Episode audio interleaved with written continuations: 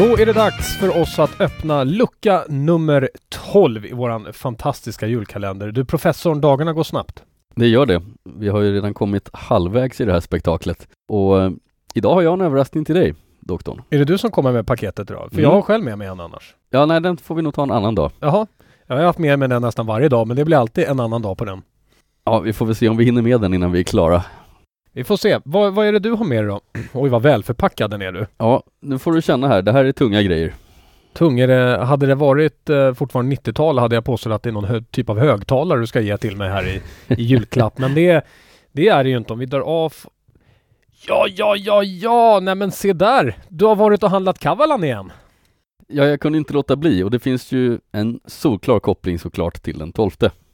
Eh, Alltså det finns det.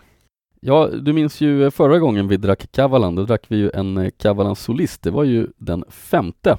Och där var ju den solklara kopplingen, det var ju att eh, det var ju den taiwanesiska motsvarigheten till julafton. Ja, Och då är det ju så att sju dagar efter julafton så kommer ju nyår, så att det här, och det här är ju en riktig smällkaramell, så att eh, därför tyckte jag det kunde vara en bra nyårswhisky.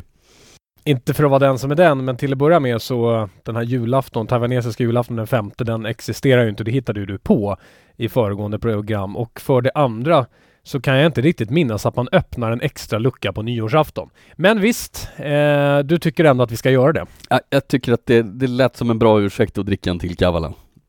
Okej, men det kan jag däremot köpa. Så då kanske jag kan köpa kopplingen lite mer också. Men du, det är ingen dålig grej vi har här. Det är en, en Kavalan Fino, Solist Fino. Mm, den här kan inte ha varit billig. Nej, den eh, var inte jättebillig och nu pratar vi också top of the line från Kavalan. Nu är det det bästa de kan eh, prestera och vi kan ju säga det innan vi ens smakar på den här att den här har ju faktiskt i vissa tävlingar fått 100 av 100 i omdöme. Så det här eh, har vi, ska vi nog ha ganska stora förväntningar på. Det kan man ju gott säga. Då prövar vi. Ja. Men du, Mm, mm, mm. Du, han kanske hade en poäng eller två den här Jim Murray. Han är inte helt ute och cyklar. Det börjar ju som ett vin. Ja, det börjar som ett vin och sen så övergår det i... Du, smällkaramell var faktiskt ingen dum beskrivning för den är karamellig, toffee, sherry. Oh, och det är lite bett i den också. Mm, Ja, det här så är gott ju- det var. Det här är lite styrka på, det är ju 57 procent i alla fall. Man får ju ge dem då 540 flaskor och du har lyckats få en hit och så är det guldemblem runt omkring det. Vad är det som hänger på sidan? Har du fått ett certifikat också?